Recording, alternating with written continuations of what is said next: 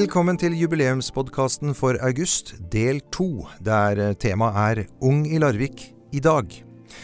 Og hvordan unge har det i Larvik i dag, det vet vel vi ganske lite om, Kjetil? Ja, men det er heldigvis mange i Larvik som vet mye om akkurat det, og det er jo de unge sjøl. Og de er taleføre. Og Senere i denne poden skal vi også få høre resultater fra en undersøkelse som heter Ungdata, der eh, skoleelever fra Larvik og hele landet har svart på spørsmålet om hvordan de har det. Og helt til slutt har vi også tatt en prat med politiet. Det stemmer. Men nå skal vi møte fire unge mennesker fra Larvik, og du satte nesene mot Torstrand, Kjetil. Ja, jeg tok en tur ned til skatehallen på den gamle Alfred Andersen-tomta, og prata med noen som tilbringer mye tid der. Jeg snakket med Maud, som er elleve år, men eh, aller først skal vi møte en entusiastisk og dyktig 19-åring som mange har sett på teaterscenen, nemlig Signe Eidsheim. Eh, jeg bodde i Bergen til jeg var elleve, og så flyttet vi da hit dagen etter bursdagen min som elleveåring. til Larvik, eller Stavern, og der var det så mye sol, og i Bergen var det så mye regn, så det var jo det var liksom eh, egentlig helt fantastisk. Det var sånn wow. Eller selvfølgelig, man savnet jo venner.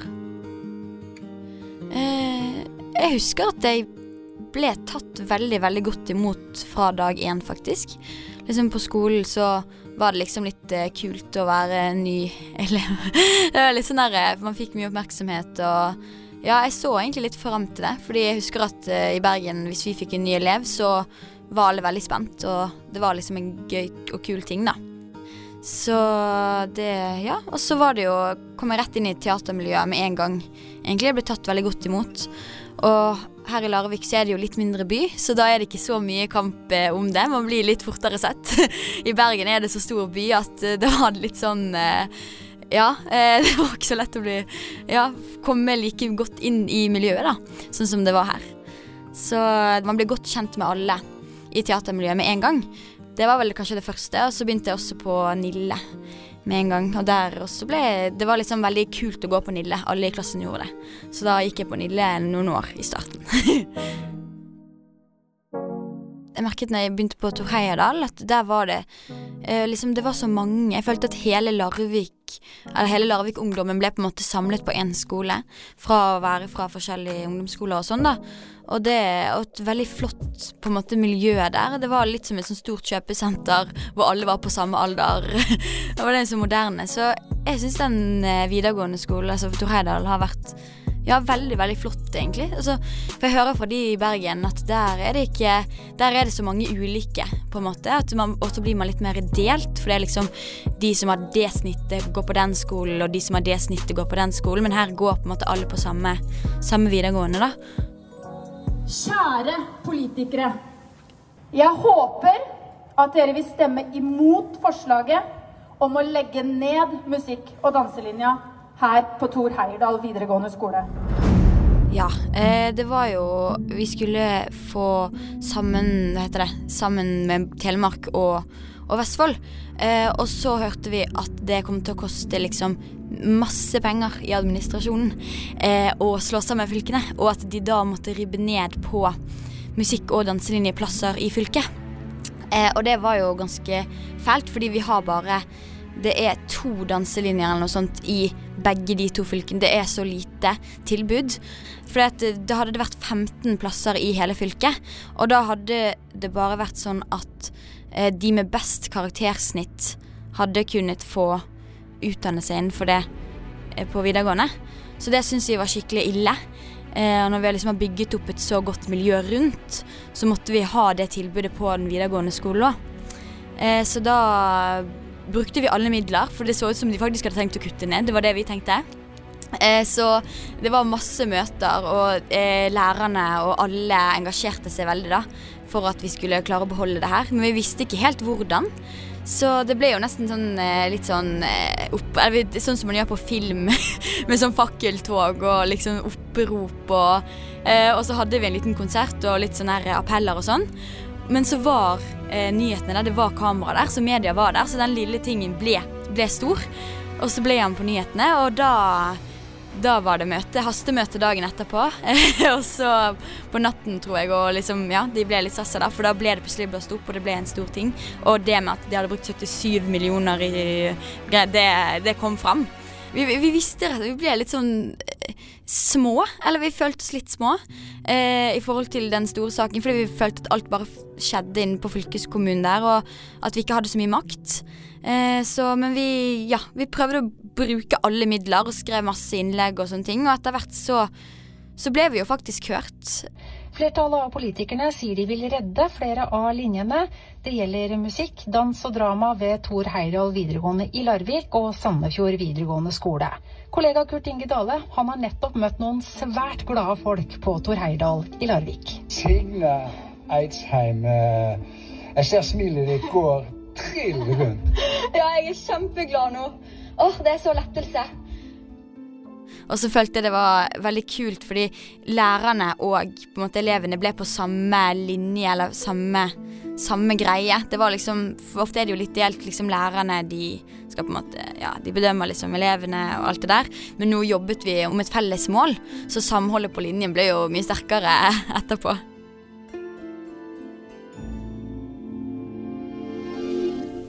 Jeg er på Larvik skateboardklubb, og her er jeg sammen med Nikolai. Og Noah.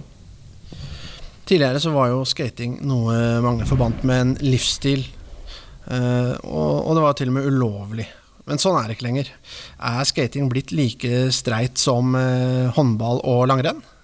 Uh, vi kom akkurat inn i OL, faktisk. Så nå har skating blitt en offisiell OL-bransje og en sport. Men uh, det er definitivt ikke like streit som noe som håndball. Da. Stemmer. Um, ja, det begynner å bli mer og mer uh, populært og mer og mer tilgjengelig for uh, liksom ikke bare de som henger ned på slummen, men liksom også kanskje overklassen og litt, litt andre mennesker. så vi får jo nye folk inn i miljøet hele tiden, og det er veldig spennende. Men er det da kun skating som gjelder, eller driver du med noe annet i tillegg, sånn bortsett fra skole? Skating og videoproduksjon. Vi um, filmer skating også, men det er mer skating det går i. Mm. Yes, og jeg har tidligere drevet med både teater og dansing eh, osv. Så, videre. så jeg har kombinert skating med veldig mye annet. Men det er jo det du nevner her, det er jo, det er jo kreative ting og handler om å fysisk å uttrykke seg sånn. Er det mye, er, tenker du at det er mye, mye likheter mellom det, eller? Ja, det er en god ting å ha i bakgrunnen. Så ei balanse og um, rett og slett kontroll over sin egen kropp er jo lurt å ha. Og det er mye erfaring å få i dansing uh, osv. Um, så jeg har vel brukt det. Jeg har tidligere gått på turn uh, og sånn, og som også har liksom gjort meg mer uh, koordinert. koordinert og osv. Men sånn organisasjonsmessig, er det en fordel eller er det en ulempe å ikke være en del av et idrettslag? Altså, dere kunne jo på en måte vært skateavdelingen til Fram, da? Um, når det blir såpass offisielt, så føler jeg at det mister litt det skating handler om. Og det er hvor ustrukturert det er. Det er veldig deilig å ha noe som stiller så lite krav til deg som et skateboard. Det er alt på egen vilje, alt på egen lærdom. Og å få retta det til en offisiell liksom sånn Det er fint å ha en klubb, men hvis det blir et, en, et idrettslag, så syns jeg det går litt imot det jeg i hvert fall ser på som liksom noe av det største og viktigste med skating. da. Men hvem er det som skater her i byen? da? Er det folk fra, fra nærområdet, eller er det folk fra hele kommunen? Eller, og hvem, hvem er de? liksom? Spesifikt i Larvik så er det mest folk fra Larvik. Det kommer folk gjennom fra Sandefjord og Porsgrunn også, men uh, det er den samme kjernen av skatere det nesten har alltid vært i ti år, liksom. Pluss, faktisk. Så med hver by så følger du jo som oftest en egen local, da, sånn en egen lokal skatepark. Um, og de Larvik forholder seg til uh, sin egen skatepark, sånn Måne gjorde. Men uh, inniblant så er det gøy å dra på nye mm. parker og utforske litt og få noe, få noe, nytt, liksom. Um, så da kan det være at vi tar en tur til Sandefjord skatepark og skater der, eller uh, ja, til Oslo, ja, blant annet. De som er i skatemiljøet i Larvik, er det folk fra, fra si, Stavern og Kjølling og hele pakka? Det er overalt, liksom. Vi fikk eh, nylig i fjor sommer, så var det en stor influks av eh, mennesker fra Halsen. Veldig mange som plukka opp et skateboard fra Halsen. Og det er fortsatt noen igjen som eh, holder seg gående på brettet til og med etter et år. Så det er så kult. Det er virkelig overalt. Eh, tror du klubben eh, er viktig for folk eh, og for byen her på noen annen måte? Eh, med tanke på det sosiale, og inkludering eh, av forskjellige folk og sånn? Um, en ting klubben gjør veldig bra her i Larvik, og er veldig effektiv på, er å få folk i gang.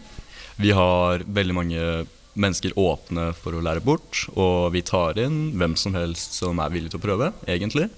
Um, så jeg, jeg er veldig fornøyd med hvordan klubben har gjort det. 100%. Mm. Ja, de eh, setter i gang med forskjellige skate schools og har instruktører som eh, kan lære bort. Veldig hyppige på å få flere jenter på brettet også, og har egne um, altså skatecamps med kun jenter. Um, Med Norges beste kundeskate. ja, som, uh, som instruktør. Uh, Tonje Pedersen.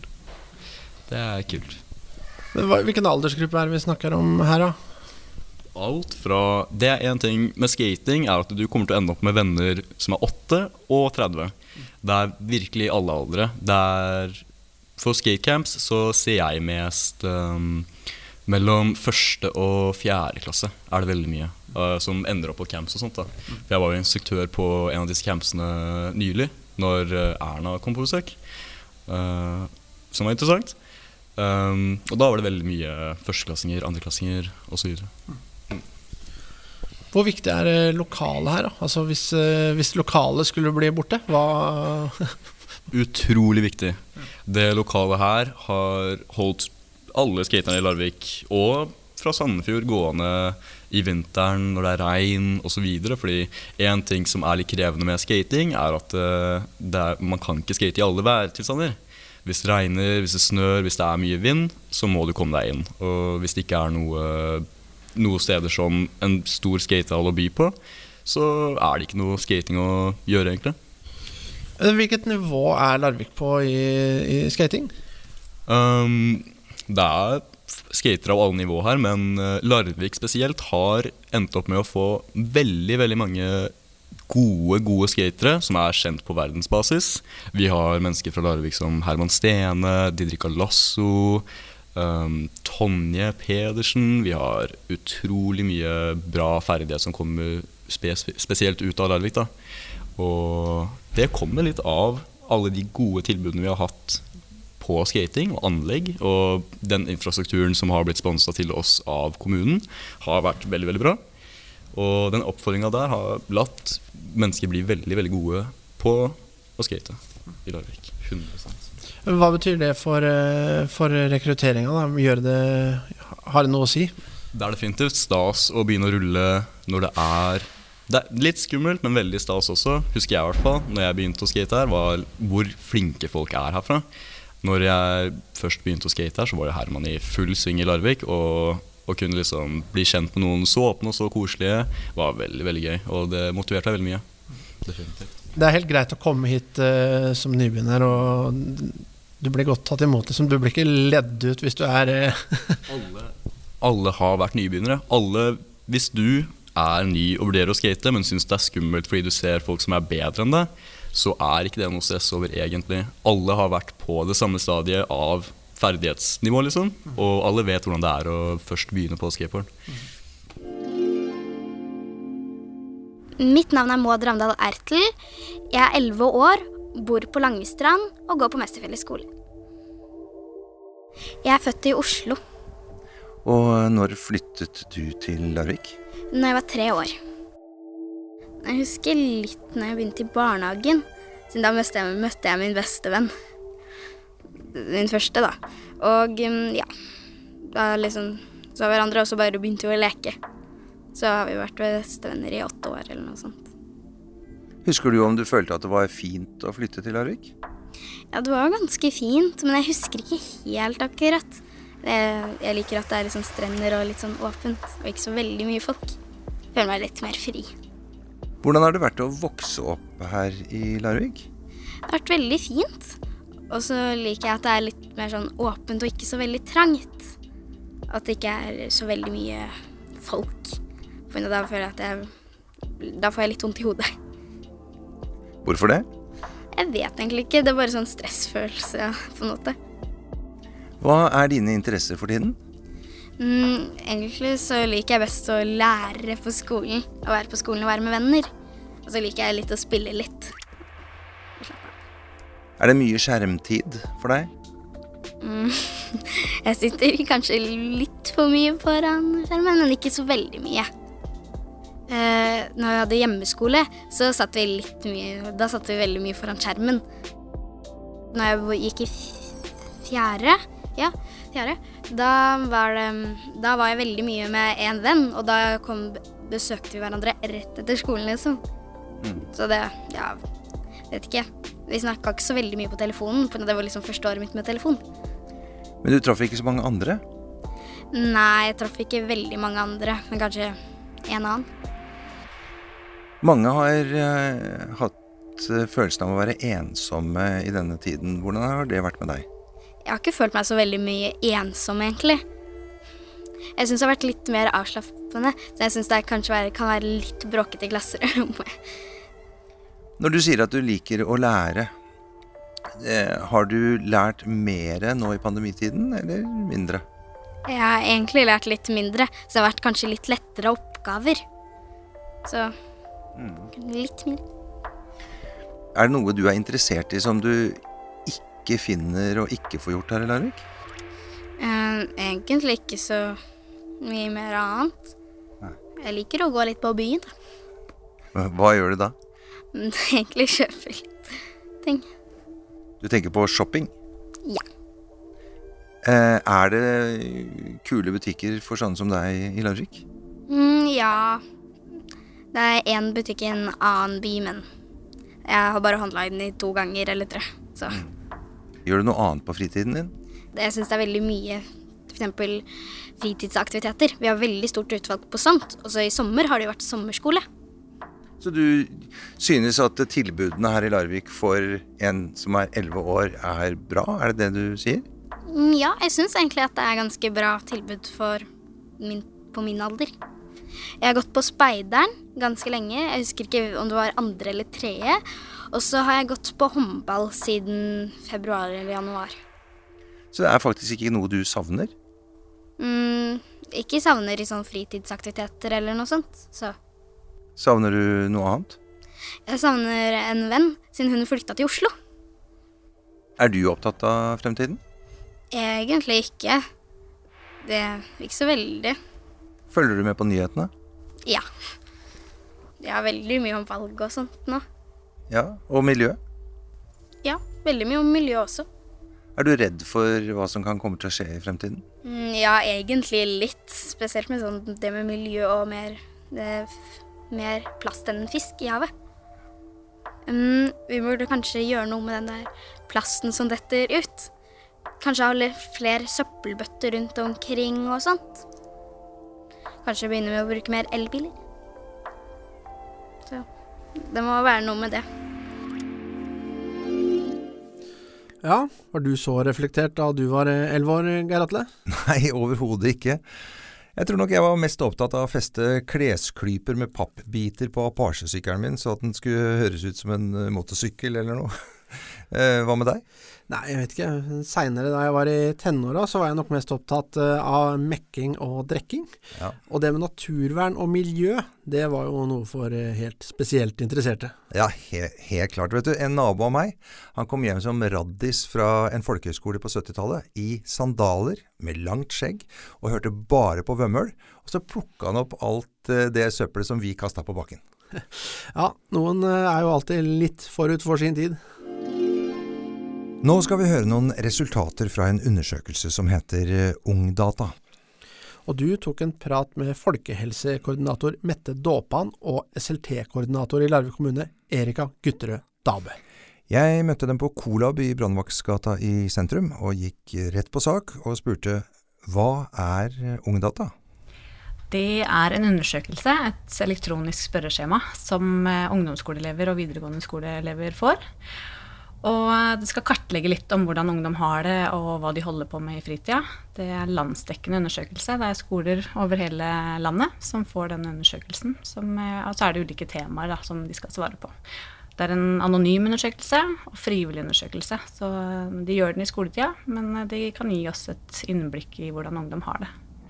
Hva kan man bruke disse dataene til? Vi i kommunen bruker det jo mye som et styringsverktøy. Altså, vi er jo veldig interessert i å vite hva som opptar ungdom, og hvordan de har det, og hvordan de opplever det å bo og være i Larvik. Så hvordan de svarer på dette her, tar vi jo med oss inn i arbeidet som uh, er i forhold til det som dreier seg om barn og unge. Det er jo mange temaer som dette her skal dekke. Ja, det er det jo. Eh, de, vi snakker om eh, hvordan de har det eh, i helse. Vi snakker om hvordan de har det med foreldre. Vi snakker om hvordan det er på skolen. Hva de gjør i fritid.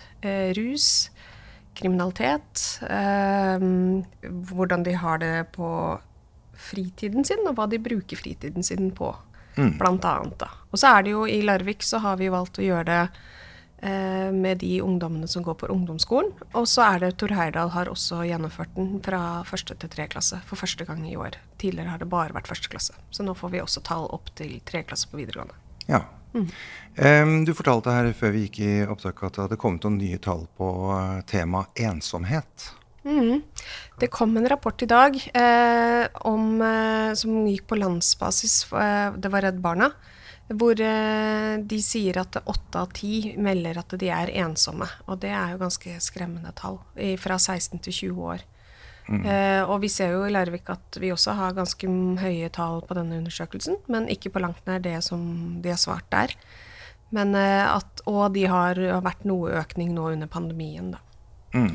Og særlig blant de eldste. Vi ser at eh, VG3-elevene er de som sier at de har følt seg mer ensomme etter pandemien enn før. Mm. Det er et tema der hvor det står skjermtid. Ja. Eh, for det påvirker ganske mye av eh, resultatene, gjør det ikke det? Jo, absolutt. Eh, vi ser jo at Larviks ungdom da bruker mer tid på skjerm enn de gjør i, i Norge sånn generelt, Jaha. faktisk. Mm. Mm, på landsbasis. Vet dere hva det kommer av? Altså Nå har det jo vært en naturlig økning det siste året eh, for alle, eh, i og med at det har foregått så mye på, på skjerm som det har gjort.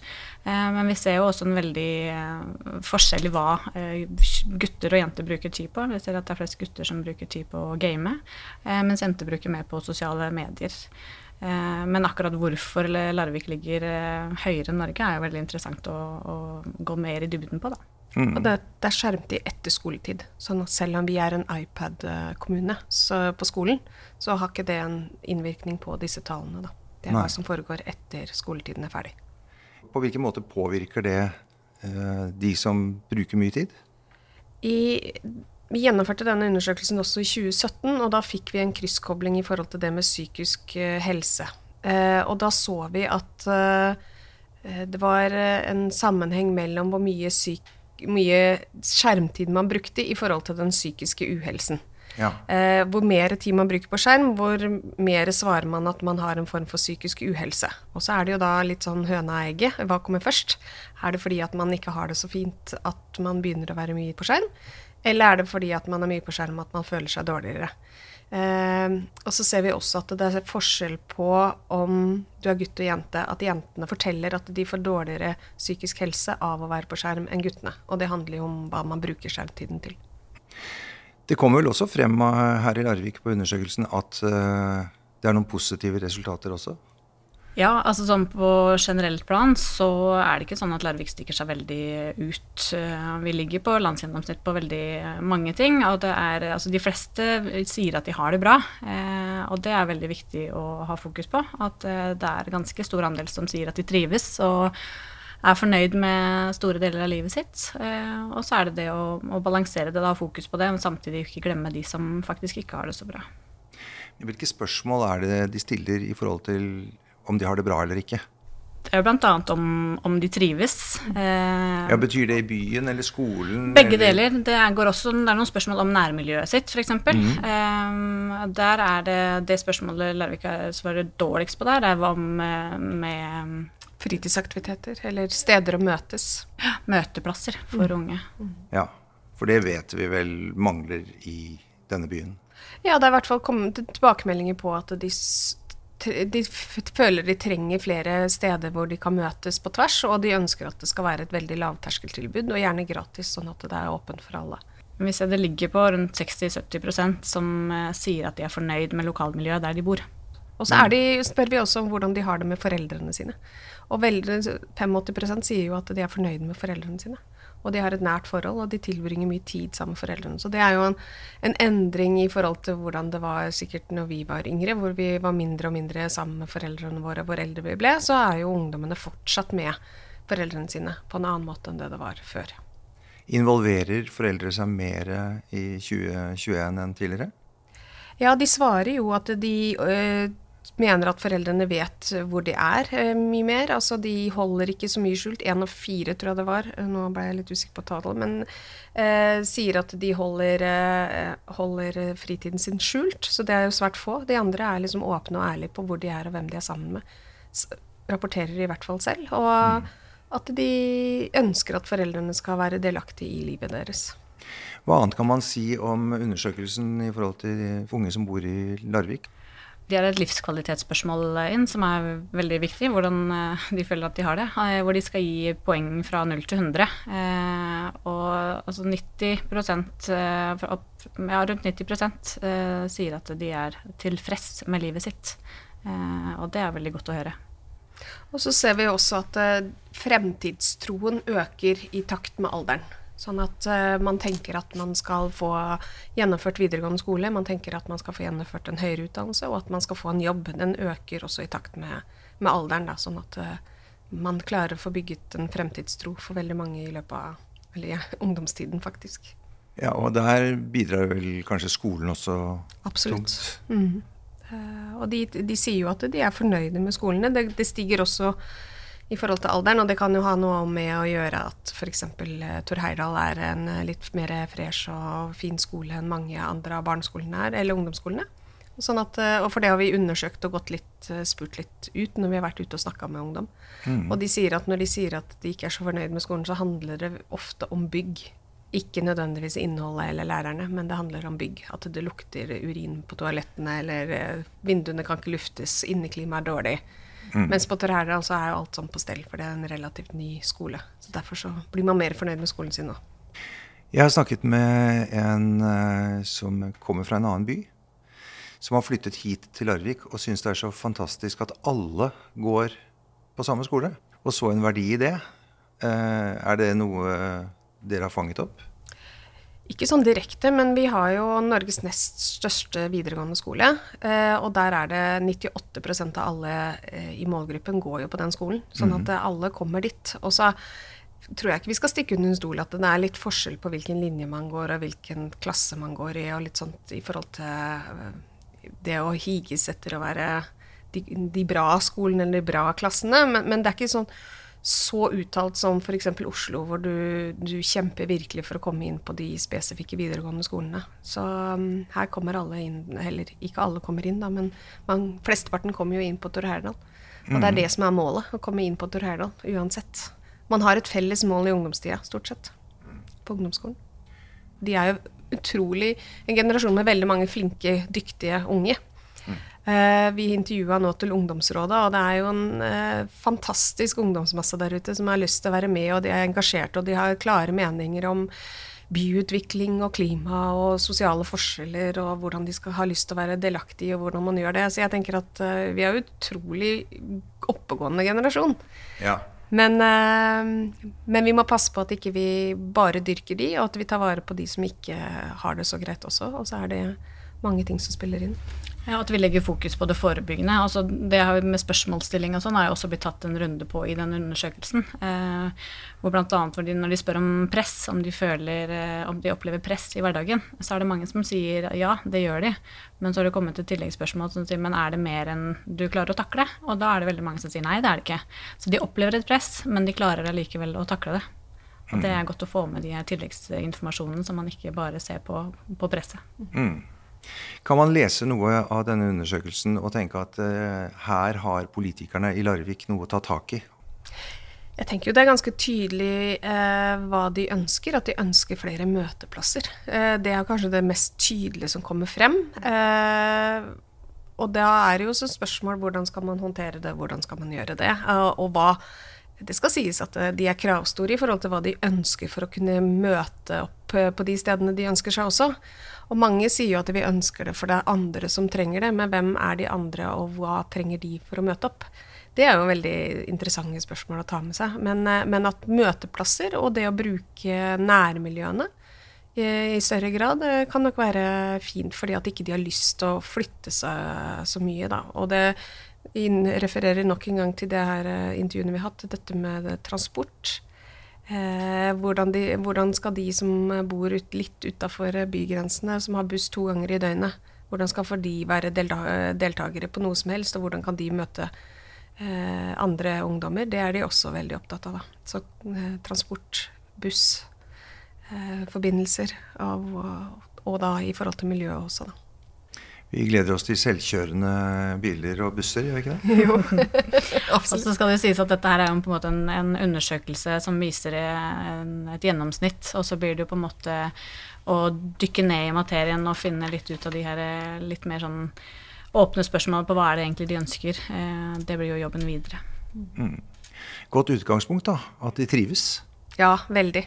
Og det er jo en eh, veldig lovlydig ungdomsgruppe som er. Altså selv nå så ser man jo at man har hatt 18 eh, måneder med pandemi, og at mange har vært hjemme, men de, de gjør svært lite lovbrudd. Eh, de få som gjør det, er de som står for de fleste.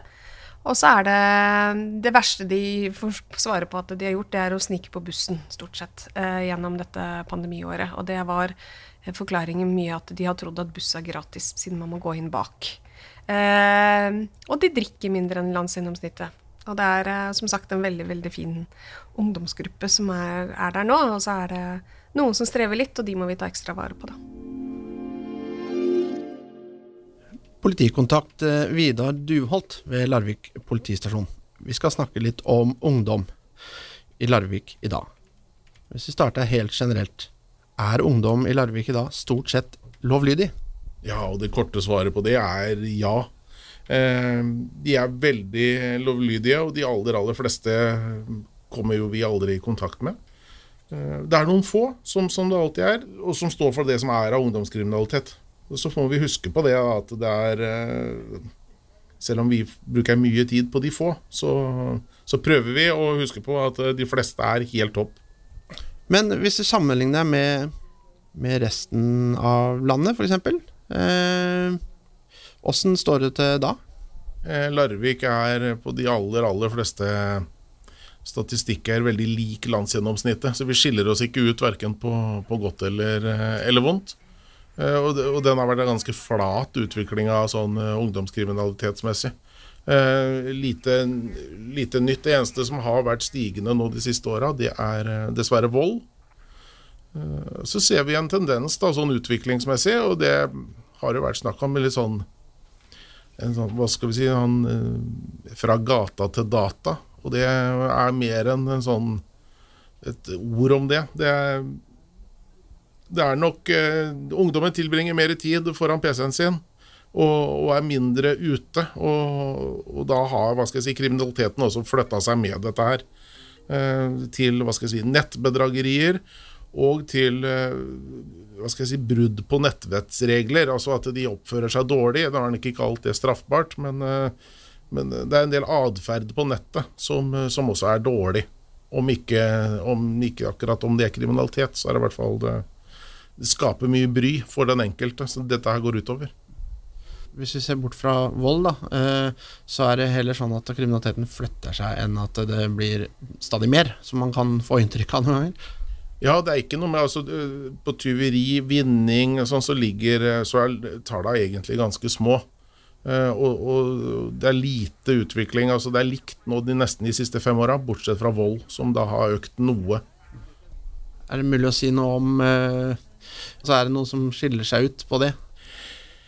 Nei, det, er, det, har jo vært, og det er nok også knytta til, til, nettbruken. At det har vært utfordringer på nett, og det har vært challenges, og at det, det starter på nett med at de provoserer hverandre, og så blir det da blir fulgt opp i praksis etterpå. Hva er eh, politiets prioriteringer eh, når det gjelder unge? Hva er de største utfordringene?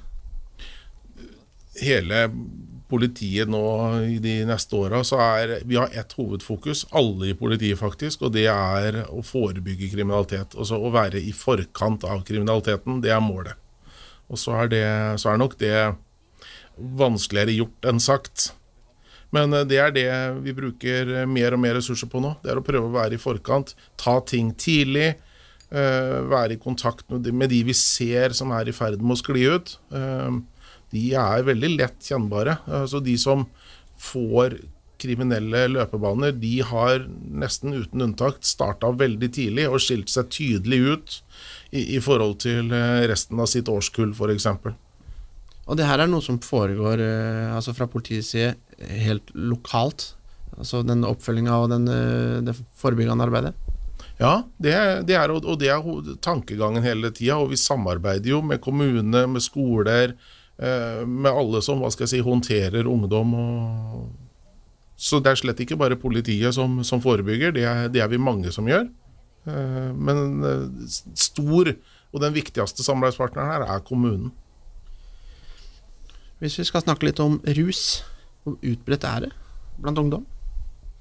Først og fremst av ulovlige rusmidler?